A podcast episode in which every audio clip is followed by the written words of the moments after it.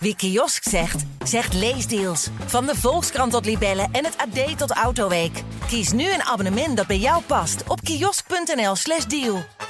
Hallo en welkom in aflevering 20 van de Boekencast. En vandaag hebben we het boek Flow. En daar gaan we praten. En we, dat is aan de ene kant Tom van der Lubbe. Welkom Tom. Goedemorgen. En aan de andere kant Erno Hanning. En Flow, de volledige titel in het Engels is The Psychology of Optimal Experience. En het boek is van Mihaly Csikszentmihalyi. Dat heb je wel heel goed uitgesproken, zeg. Ik heb een trucje geleerd, dus... het boek is opgedeeld in tien hoofdstukken. Ik was zeer onder indruk. Ik had, het, ik had natuurlijk al vaak over het boek gehoord. Maar ik had het nog nooit gelezen. En ik was zeer onder indruk van het boek. Ehm, over de inzichten van flow, de verschillende vormen in het dagelijks leven, in werk, in vrije tijd, in gezin, in relaties, maar ook überhaupt gewoon de, de zin van het leven. Dus ik vond het een zeer waardevol boek als je nadenkt en onderzoekt hoe je meer geluk kunt ervaren het leven. En, en het bijzonder is dat, dat het vaak dus ook heel tegenstrijdig is met wat je verwacht. Tenminste, dat, dat, nee, dat was iets wat ik in ieder geval eruit Wat was als je bij jou grofweg de conclusie van jou mag uh, horen? Ja, dit is wel een van mijn lievelingsboeken. Ja. Maar goed, het is, daar komen we dadelijk wel op. Het is gewoon heel breed. Uh, ik heb hier, hier voorin staan, ik weet niet hoe vaak ik het tot nu toe gelezen heb, maar ik zie in ieder geval dat ik het in augustus 2006 gelezen heb. Want dat staat in dit exemplaar. Ja, het is, uh, ik vind het uh, fantastisch. Ja, nou, dat is in ieder geval, dat is mooi. Wat is, wat is, als jij terugkijkt en je hebt het al vaak gelezen, wat is volgens jou nodig om flow te ervaren? Oh, dus, ja, ik zit eens even na te denken, want het is, er zit zoveel in, omdat het namelijk, het is niet alleen werken, maar het is ook privé, het is denken, het is sport, het is alles. Het is een soort, een soort overkoepelend werk, waar na de hand heel veel dwarsverbanden in zitten, ook naar andere boeken. Uh, dus het is eigenlijk, het is, ja, het is eigenlijk onbeperkt, zou ik maar zeggen. Het is over het leven, het is over zingeving. Dat ik dacht, misschien moeten we het eh, proberen even te structureren. Er zitten dus die tien hoofdstukken in. Dat we misschien iets zeggen over, over flow. Uh, ik zag al dat jij dat, ik zou maar zeggen, relatief goed hebt samengevat. Dat we dan zeggen, oké, dat begrip is op een bepaalde manier bekend geworden. Ik denk dat we iets over zijn biografie moeten zeggen dat het heel relevant is. Dat kan ik dadelijk wel als start doen. Uh, want ik heb het toch even nog nagekeken. Uh, en dan is er een hoofdstuk over werken als flow. En daar is uh, het laatste hoofdstuk wat ik persoonlijk, het, het, het, het, dat is mijn lievelingshoofdstuk. The Making of Meaning. Daar wil ik, wil ik naar de hand ook nog wel wat over zeggen. Het is, het is zo'n rijk boek. Het is zo breed. Het is eigenlijk helemaal niet een businessboek. Het is een algemeen, het is bijna een soort bijbel, zou ik maar zeggen. En dat maakt het zo fantastisch.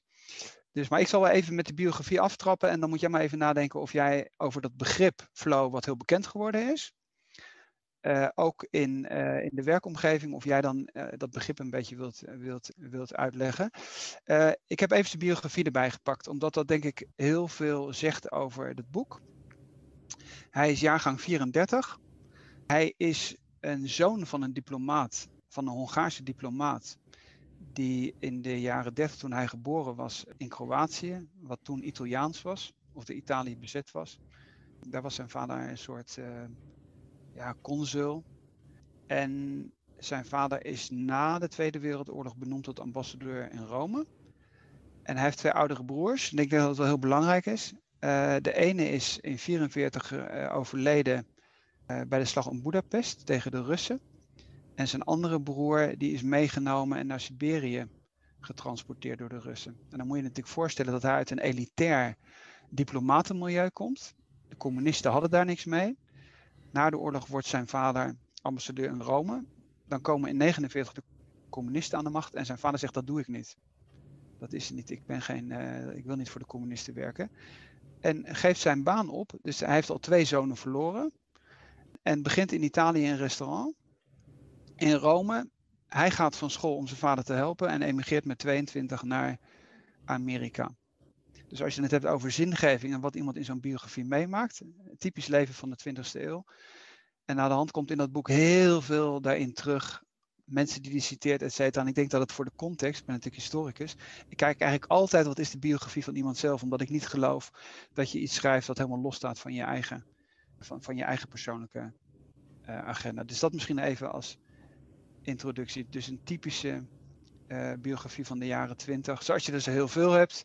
En dan naar de hand weer gevlucht uh, naar Amerika. Ja. Dat misschien even als uh, inleiding. Ja, dat had ik allemaal niet op, op gelezen allemaal. Ja, wat flow, en het woord flow, dat komt uit het vele onderzoek wat hij gedaan. Wat, het woord wat de meeste mensen gebruikten om die ervaring te beschrijven. Uh, die ze dan op dat moment meemaken. En waar het om gaat is niet zozeer dat je uh, plezier ervaart, maar veel meer dat je geluk ervaart. En er zit een danig verschil in. Plezier is kortstondig, dat is iets wat je, nou ja, uh, wat mensen in, in de kern wel nastreven, maar wat je eigenlijk wat je niet gelukkig maakt. Het is, en flow is veel meer de situatie vanuit geluk. En het grappige is, flow vraagt ook gewoon meer van je. Het vraagt een fysieke inspanning van je. Fysiek kan zijn dus gewoon beweging, maar het kan ook zijn mentale inspanning. En je hebt dan een doel nodig, een groot doel, subdoelen. Je hebt de vaardigheden nodig en je hebt focus nodig. En niet vergeten directe terugkoppeling. Dus dat je kunt zien dat wat je doet, dat effect heeft op wat je aan het doen bent, richting het doel. Het kan zijn dat het, um, de, feedback negatief is, dat je afwijkt van je doel, zodat je weer moet corrigeren. Maar het kan ook zijn, ik zit op de goede weg. Dus dat zijn de vier dingen die je in principe nodig hebt. En het maakt ook niet zoveel uit, zal hij later schrijven in zijn boek, welke je als eerste oppakt. Of je begint een doel, of dat je begint met je vaardigheden te verbeteren, of dat je begint met focus. Dat maakt niet uit. Als je die elementen in acht neemt en je werkt daar heel bewust aan, dan werk je aan flow. Dan kom je uiteindelijk in de flow uit. En het is uh, goed om te onthouden dat het belangrijk is voor het doel dat het wel binnen bereik is. Als je een doel kiest wat heel erg ver weg is, ja, dat, dan is het bijna onmogelijk om je flow te gaan ervaren, omdat dus gewoon de feedback gewoon eigenlijk ontbreekt. En een grappig voorbeeld wat ik uh, verderop in het boek uh, naar voren kwam was over um, tuinieren. Dus als je werkt als boer met, met, met producten, met groenten, het duurt heel lang voordat je ziet um, wat het effect is van wat je aan het doen bent. En dat maakt het een heel ingewikkeld iets om er flow van te maken. Dus dat vond ik een, een grappige bijkomstigheid van het geheel. Wat misschien, wat misschien wel interessant is, is om te zeggen dat hij dus daar onderzoek naar heeft gedaan in het begin in Amerika. En toen in principe dat onderzoek wereldwijd heeft, uh, heeft opgezet. En eigenlijk in allerlei culturen en allerlei beroepen overal elke keer gemeten heeft. Omdat ze mensen eigenlijk een soort, ja, ik weet niet precies hoe hij dat, hoe die dat beschreef. Maar eigenlijk gewoon heeft laten meten wat, ja, wat ervaren mensen eigenlijk. En, het, en het, dat kan dus een boer zijn, dat kan iemand die in de fabriek zijn, dat kan iemand die aan een kassa zit. Het maakt in principe niet uit. En hij, hij laat eigenlijk in principe dat zien wat jij net beschrijft. Dat, dat die terugkoppeling van die activiteiten en dat, en dat kijken waar je mee bezig bent. Dus dat doelgerichte, maar dat actieve. Dat dat uiteindelijk ja, dat geluksgevoel geeft. Of dat in flow zijn. Er zijn natuurlijk dingen waar het misschien makkelijker uit te leggen is. Dus als je bijvoorbeeld een sport doet en je, en je koppelt terug wat je tijden zijn en dan word je langzamerhand beter. Het heeft natuurlijk heel veel ook weer te maken met wat we van Daniel Pink kennen van die autonomy en die mastery, dus dat meesterschap wat je ontwikkelt en het steeds beter worden in iets. En dat als je steeds beter wordt in iets, zelf en je die zelfbeschikking hebt, dat, dat je natuurlijk ook die vrijheid geeft terug te koppelen elke keer met je doel. En dan naar die interactie te kijken en zo, oh, ik ben een stukje beter geworden. Of ik ben een stukje in de juiste richting gekomen. Dus dat is, ik denk dat is dat, dat principe. Het heeft heel erg met activiteit te maken. Ook wel met zelfbeschikking. En het, het, het mag niet te makkelijk zijn. Dus het moet een uitdaging zijn. Maar de uitdaging mag ook niet zo groot zijn dat het onbereikbaar is. Dus het is niet zinvol om de lat zo hoog te leggen dat je nooit over die stok kunt springen. Maar het is meer het idee van, ik leg die lat elke keer een stukje hoger. En dan, en dan heb ik die kick, wat je natuurlijk met kinderen heel erg sterk ziet. Dat ze elke keer merken, oh, we worden net iets beter. Of het nou lopen is, of naar de hand uh, iets anders, of met, met, uh, met sport. En dan trappen ze de bal er eerst naast en dan raken ze de bal en dan gaat hij in het goal. Bij kinderen zie je dat, vind ik, veel en veel sterker dan natuurlijk dan bij volwassenen. Ja, en wat me ook opviel in die verhalen was dat want hij heeft natuurlijk ontzettend veel voorbeelden in die, in die onderzoek naar voren gehaald van mensen die in flow geraken vanuit een bepaalde uh, werkveld. Meestal had het met werk te maken. En het grappige is dat uiteindelijk, als je kijkt naar de verschillende werksituaties, dat het niet zo heel veel uitmaakt welk werk je doet. Hij haalt voorbeelden aan van mensen die in, in de meest saaie werkomgevingen er toch flow uit kunnen halen. En door een, een, eh, het was in een fabriek, het meest saaie werk, en maar één persoon die had zich aan allerlei werkzaamheden eigen gemaakt, waardoor hij uiteindelijk op elke plek kon worden ingezet. En iedereen hem waardeerde in dat bedrijf ook. En dat is, dat is denk ik het meest belangrijke. Dat je, als je goed kijkt naar de werkzaamheid waar je bezig bent, dat je nadenkt over welke doelen kan ik hier stellen, welke vaardigheden heb ik nodig en daar tijd voor maakt om bewust aandacht aan te besteden, fysisch en mentaal. En, en dan kan je eigenlijk elk werk zo maken dat het je gelukkig maakt. En eh, een ander voorbeeld wat hij ook bijvoorbeeld noemt, het wandelen. Dat is een, dat is een bezigheid wat, wat actief is. Uh, maar ja, je kan gewoon wandelen en, dan, doet het eigenlijk niks. Het is als je gaat kijken naar mensen die op een treadmill uh, in een gymzaal aan het lopen zijn. Ja, uiteindelijk is het meer dat je van je schema kan aftikken dat ik vandaag gerend heb, dan dat je werkelijk daar veel vrolijker van bent geworden of, gelukkig van bent geworden. Maar zo kun je dus doelen in, in het wandelen bijvoorbeeld instellen, dat je gelukkig wordt van het wandelen. Ja, en dat, dat soort voorbeelden is, vind ik mooi dat je door zelf te kiezen, kun je dus geluk ervaren. Ja, dat is een heel belangrijk punt. Dat noemt hij ook ergens. Dat, en dat heeft dan weer met zijn biografie te maken. Het is de subjectieve interpretatie van iemand zelf. Dus die reflectie. Dus neem even een kassière als jij zegt van ik zit aan een kassa en ik ben alleen maar die stomme boodschappen langs. En dan kun je zeggen dat is nu geautomatiseerd, maar voor een heel groot gedeelte. Maar ik, ik, ik, ik doe die boodschappen uh, langs zo'n scanner. Dat is een andere interpretatie dan ik ben het eerste contact met iemand die binnenkomt en zegt uh, goedemorgen meneer Hannik, hoe gaat het met u? En dan is het een sociale interactie en dan ben jij misschien iemand die in die buurtwinkel die hele buurt kent. En, en waar mensen een praatje mee willen maken. Dus dat is die, die interpretatie. En dat heeft natuurlijk heel erg met zijn biografie te maken. Dat, dat hij zegt ook op bepaalde plekken, en dan noemt hij, die, noemt hij daar voorbeelden van. Mensen kunnen, hebben de keuze of te zeggen van nee, dat is mijn biografie en daarom gaat het hartstikke, is het één grote ellende. En als je natuurlijk zijn biografie neemt, dan is dat een schoolvoorbeeld van iemand die kan zeggen van ja, ik heb mijn twee broers verloren, mijn vader is zijn baan verloren, ik weet niet precies hoe het met zijn vader is afgelopen, et cetera. En dat heb je elke keer weer opnieuw. En dat komt helemaal ook aan het einde terug. Het is uiteindelijk een keuze bij iemand zelf om te beslissen hoe je met een omstandigheid omgaat. En dat is natuurlijk makkelijker gezegd dan gedaan. Maar dat is natuurlijk iets wat hij erg heel erg belichaamt met zijn eigen biografie. Ja, en dan zie je dus, want hij haalt het ook een paar keer aan, hè? Search for Meaning. Viktor Frankl, exact hetzelfde dat je ziet als persoon zelf, maar ook van jezelf keuzes maakt. Hoe ervaar ik deze situatie? En als je hem als uitzichtloze situatie ervaart, dan zul je uiteindelijk daar ook aan onderdoor gaan. En dat zijn dingen die zo'n Victor Frankl, ook heeft gezien. En, en hij had ook regelmatig mensen die in de stoïcijnse wereld vaak terugkomen. Eh, die, waarbij je ook ziet dat daar ook ja, de redenen waarom je dingen doet, het, het, goed doen voor de gemeenschap, um, het goed leven, allemaal bewuste keuzes maken hoe je in het leven staat en hoe je ermee omgaat en hoe jij daar een rol in speelt. Dat speelt een enorm belang in. Heb je het gevoel dat je de controle hebt en ben je er gelukkig mee? Ja. Wat, wat misschien aardig is om, om bijvoorbeeld in hoofdstuk 3, wat hij dan, dat heet dan enjoyment and the quality of life. En dan wordt een begrip uitgelegd, denk ik, wat wel belangrijk is. Dat is autotelic zelf heet dat.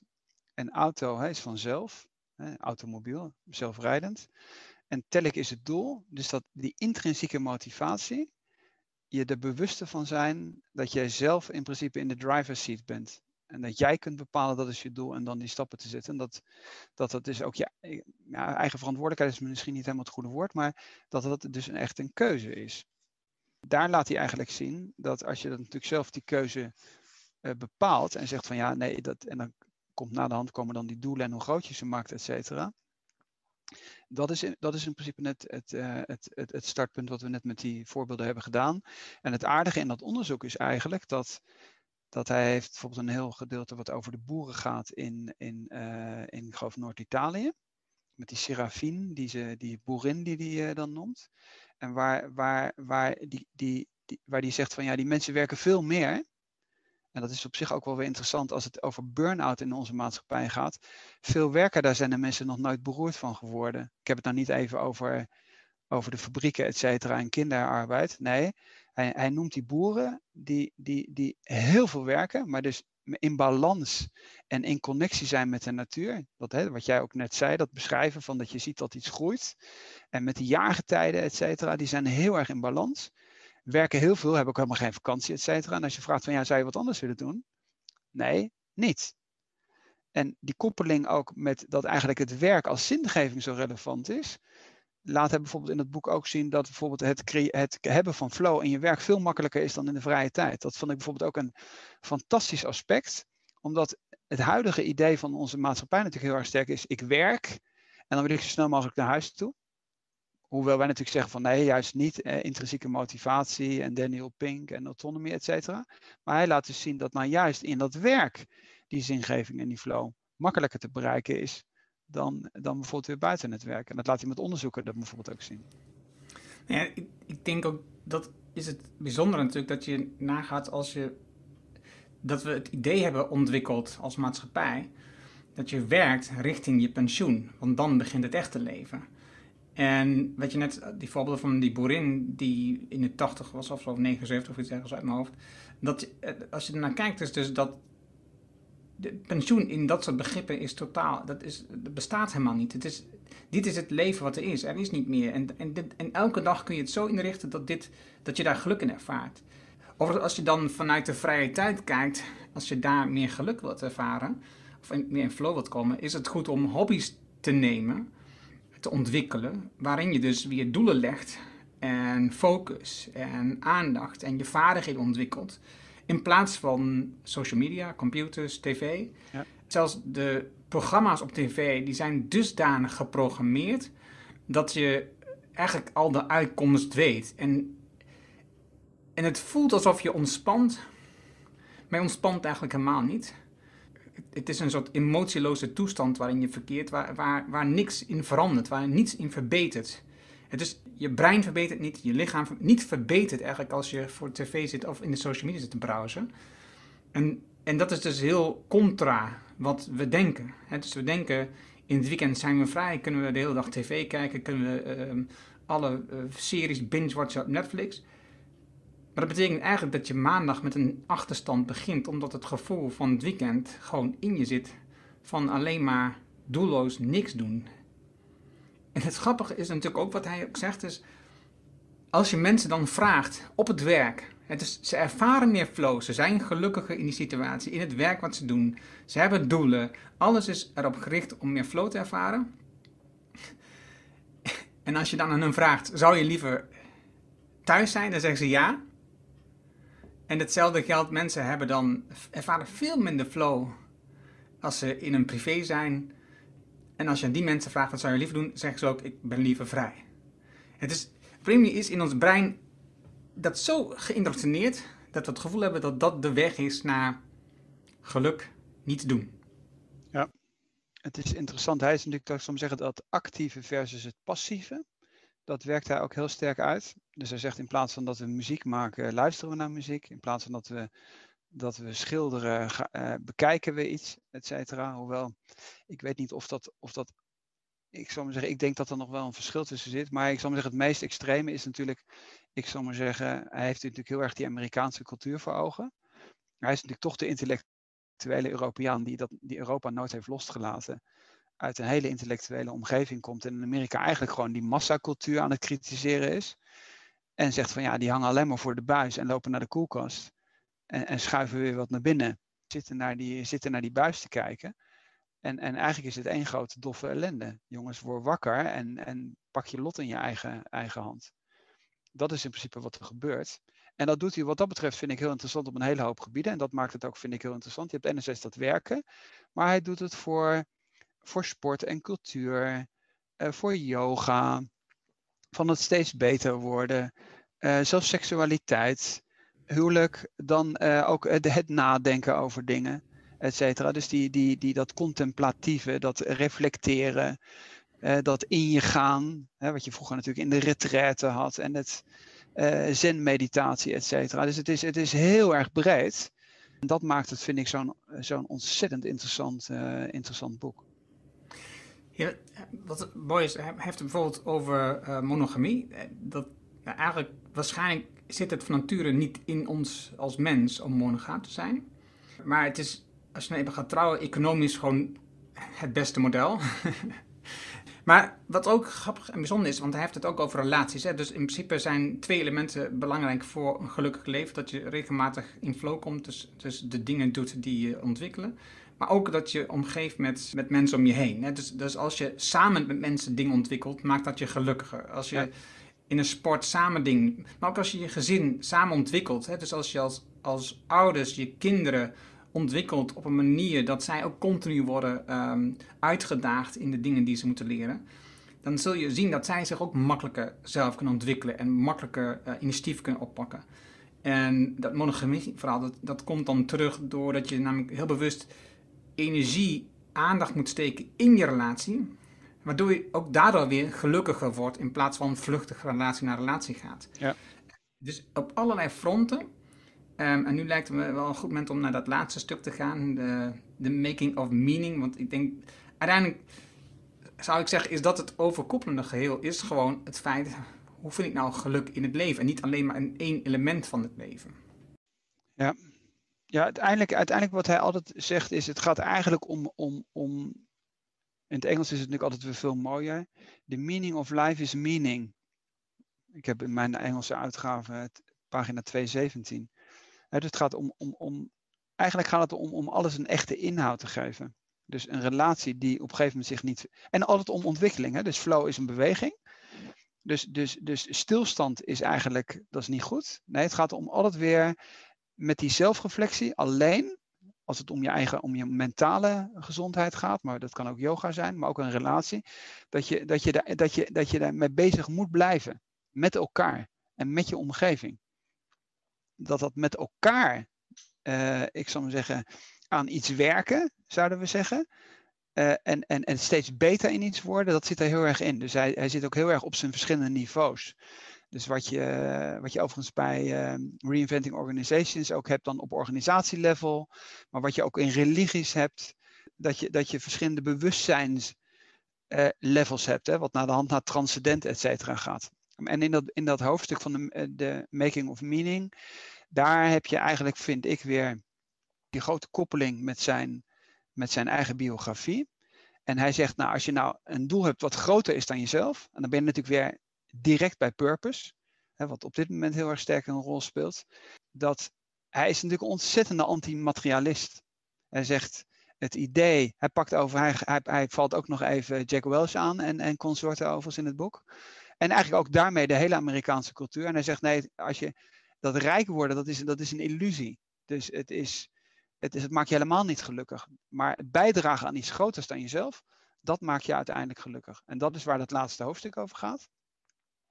En daar gaat hij dan in principe de diepte. Dus hij zegt, wat overigens niet betekent dat als je aan iets groters werkt, dat dat niet ook tot een, een financieel voordeel mag leiden. dus hij, hij, hij, neemt het de mensen niet weg. Alleen hij zegt de context, de context moet, eigenlijk een, moet eigenlijk een andere zijn. En dan heeft hij verschillende niveaus. En dan zegt hij uiteindelijk, en dat is natuurlijk wel uh, met, een, met een waardeoordeel verbonden. Hij zegt van nou, level 1 is eigenlijk, je denkt alleen maar aan jezelf. En dan, en dan uiteindelijk is het, is het laatste niveau naar die, dat transcendente verbonden zijn met de hele wereld. En daar noemt hij dan allerlei voorbeelden. En dat vind ik, natuurlijk, vind ik uh, heel, heel erg spannend, omdat hij eigenlijk alles met elkaar koppelt. Uh, hij heeft het over uh, Hannah Arendt. dus haar, een van de, haar belangrijkste boeken, Vita Activa. Dus daar komt dat actieve weer in, in voor. Versus in combinatie met Vita Contemplativa. Dus dat is die zelfreflectie. Dus je hebt vanuit de religieuze ascetische traditie, hè, dus de kloosters en de monniken, wat je ook in het boeddhisme hebt, maar wat je eigenlijk overal in hebt, is dat, dat reflecteren of als, als zenmonnik naar een, muur, naar een witte muur kijken en dan in je lotus. Dat gedeelte, wat heel erg met, met de geest te maken heeft, maar dan ook het actieve. Dus hij zegt, er is eigenlijk niks erger dan weten wat er eigenlijk veranderd zou moeten worden, maar niet in actie komen. En hij koppelt die zelfreflectie met dat in actie komen heel sterk. Ja, en dan, en dan doet hij, ik zal maar zeggen, de grote doos open. En dan komt Sartre en Heidegger. En hij pakt ze eigenlijk allemaal. Victor Frankl, hè, dus mensen die in concentratiekampen en zo gezeten hebben. Heel veel filosofie. Uh, ja, en eindigt eigenlijk met een soort, met een soort oproep, zou ik bijna willen zeggen. Dan ben je toch ook weer bij de huidige tijd. Dat de dingen met elkaar in balans moeten zijn. Dus met de natuur. Dat als, als dan al die mensen, hè, human beings, dan connected. Dan heb je dat tran transcendentiële waar iedereen zich met elkaar verbonden voelt. En dat het dus niet om het ego gaat, maar om het, om het, om het collectieve. Dus er zit ook heel veel verkapt eh, marxisme bijvoorbeeld in. Dus dat het om het grotere doel gaat en het verheffenen van, van de samenleving.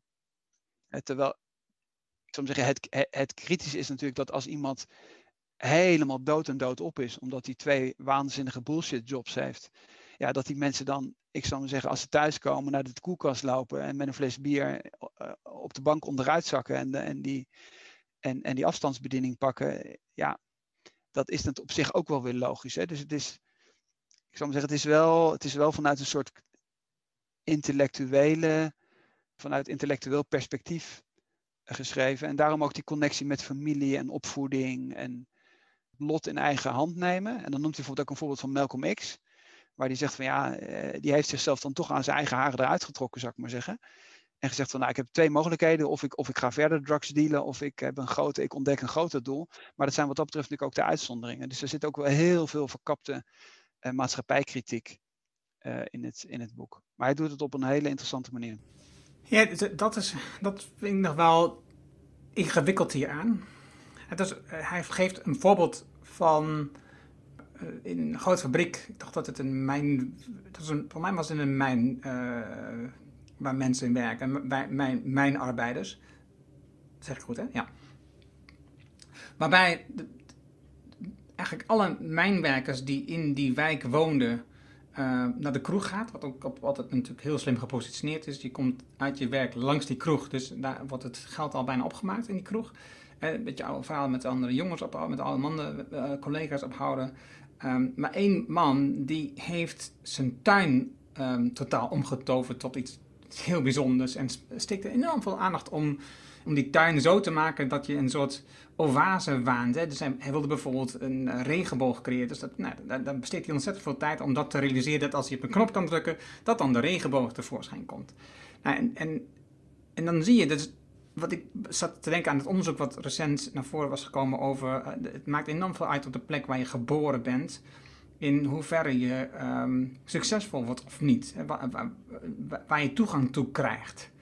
En, en, tegelijkertijd zie je dat mensen die in een ellendige situatie zijn opgegroeid. De, de ene persoon duikelt dieper de ellende in. En de andere persoon in dezelfde omgeving onttrekt zich eraan. Die zegt: Nee, dit is, dit is voor mij de motivator om hier uit te komen.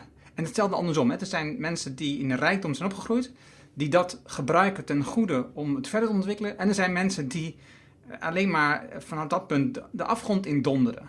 Het is, het is in mijn optiek niet zo eenvoudig om te zeggen, het, waar je vandaan komt, daar, daar, nee, dat bepaalt het grootste deel van je leven. Nee, je hebt zelf heel veel invloed op.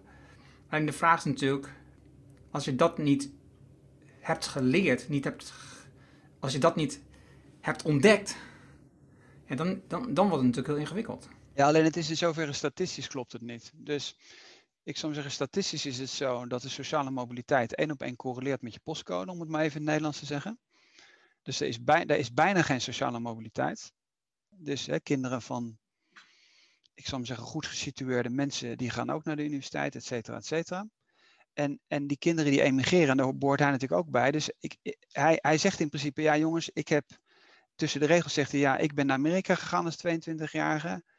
Uh, ik heb mijn broers verloren, mijn vader heeft zijn positie verloren, we waren helemaal niks meer. Hij heeft overdag gewerkt. En in zijn avonduren is hij is is die gaan studeren. Ja, en wordt dan op een gegeven moment professor en zegt dan, ja, je moet gewoon die zelfreflectie hebben en die zelfdiscipline en je doel voor ogen hebben, dan kom je er wel. Ja, maar zo simpel is het natuurlijk niet. Omdat hij, hij, komt, hij is de zoon van een diplomaat. En hij heeft die, hij heeft die, hij heeft die intellectuele bagage. Hij heeft ook die principes van zijn vader meegekregen, die hij zegt op het moment dat hij ambassadeur wordt. Daarom vind ik die autobiografische context altijd zo relevant, om te begrijpen van ja, waar komt dat vandaan? Die dan zegt van tegen de communisten, nee, uh, ik, ik ambassadeur in Rome, ik uh, hou ermee op, ik begin een restaurant. Maar dat is natuurlijk vanuit een enorme, ik zou maar zeggen, intellectueel superioriteitsgevoel. En, en, en dat heeft helemaal niks. En dan zegt hij, ja, dat heeft helemaal niks te maken met rijkdom. En dat is omdat, omdat die intellectuele trots en die verheffing boven de rest. Zijn vader zou hebben gezegd, wat wil jij mij eigenlijk vertellen? Of wat je net soms hebt, die zeggen van, nou, ik ben sinds eeuwen ben ik, ben ik die die ik ben.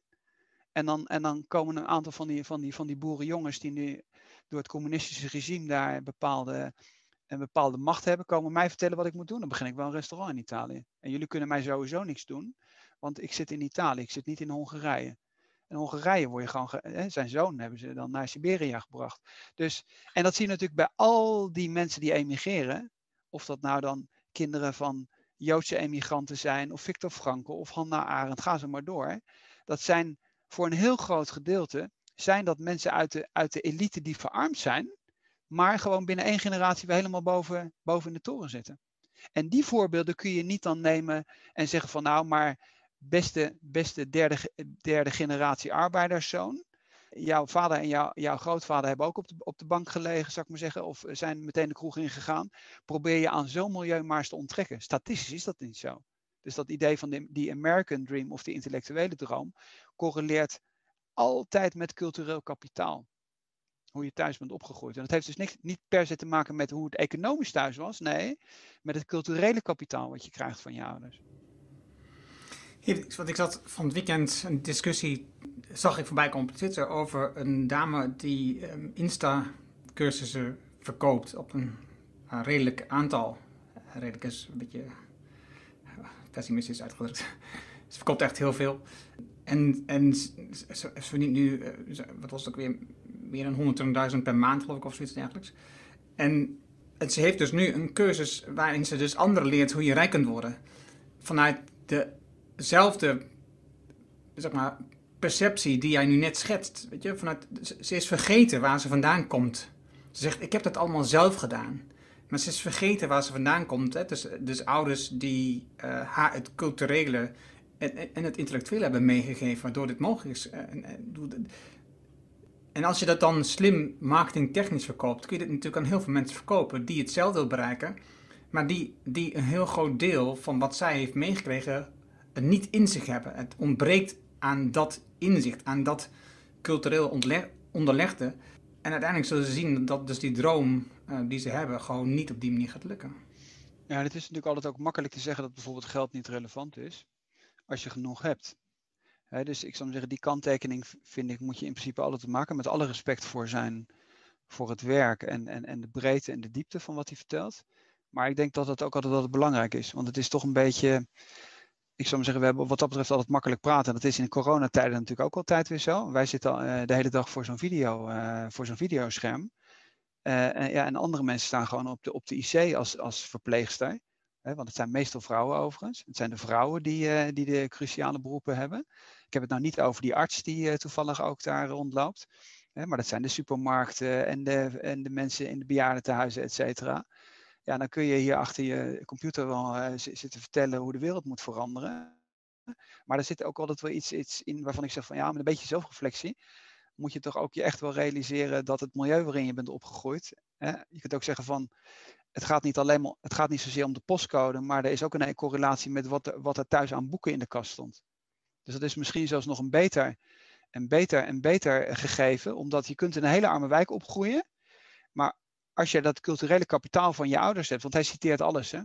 alle schrijvers en Nietzsche, en het maakt allemaal niet uit wat het is, maar dat is gewoon iemand die, ook al heeft zijn vader een restaurant op een gegeven moment gehad, en als 22 jaar gaat in Amerika, daar heeft gewoon natuurlijk een hele grote boekenkast gestaan, los van of mensen wel of geen geld hebben. En dat is wel iets wat je moet, wat je moet realiseren. En daarom is het ook zo moeilijk om die milieu, aan die milieus te ontsnappen. De enige manier waarop dat kan, is als de staat een belangrijke rol speelt, toegang tot onderwijs heel erg open is en je een heel goed open studiefinancieringssysteem uh, hebt. Met veel, dus niet met een, met een uitzondering als beurs voor een of ander excellent kind. Nee, met een hele brede laag. dan ben je meteen weer in de actualiteit. Zou het zo moeten zijn dat dat op het moment dat kinderen geboren worden, de staat er zorg voor draagt dat die sociale mobiliteit niet al meteen bij de eerste twee, drie jaar uit elkaar loopt, omdat, omdat de crash geprivatiseerd is.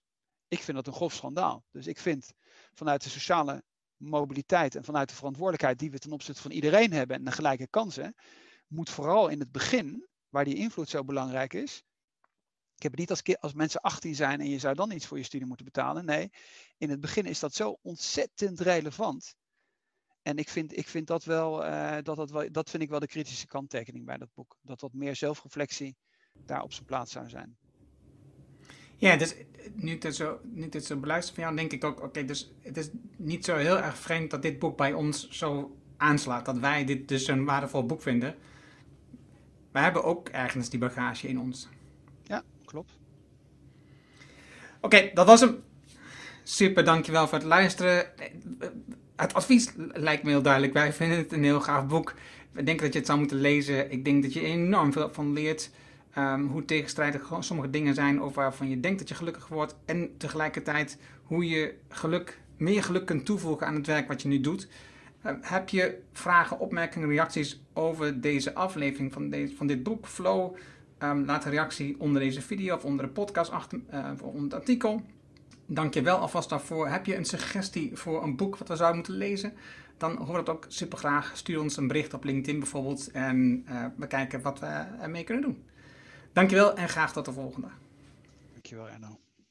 Wie kiosk zegt, zegt leesdeals. Van de Volkskrant tot Libellen en het AD tot Autoweek. Kies nu een abonnement dat bij jou past op kiosk.nl/slash deal.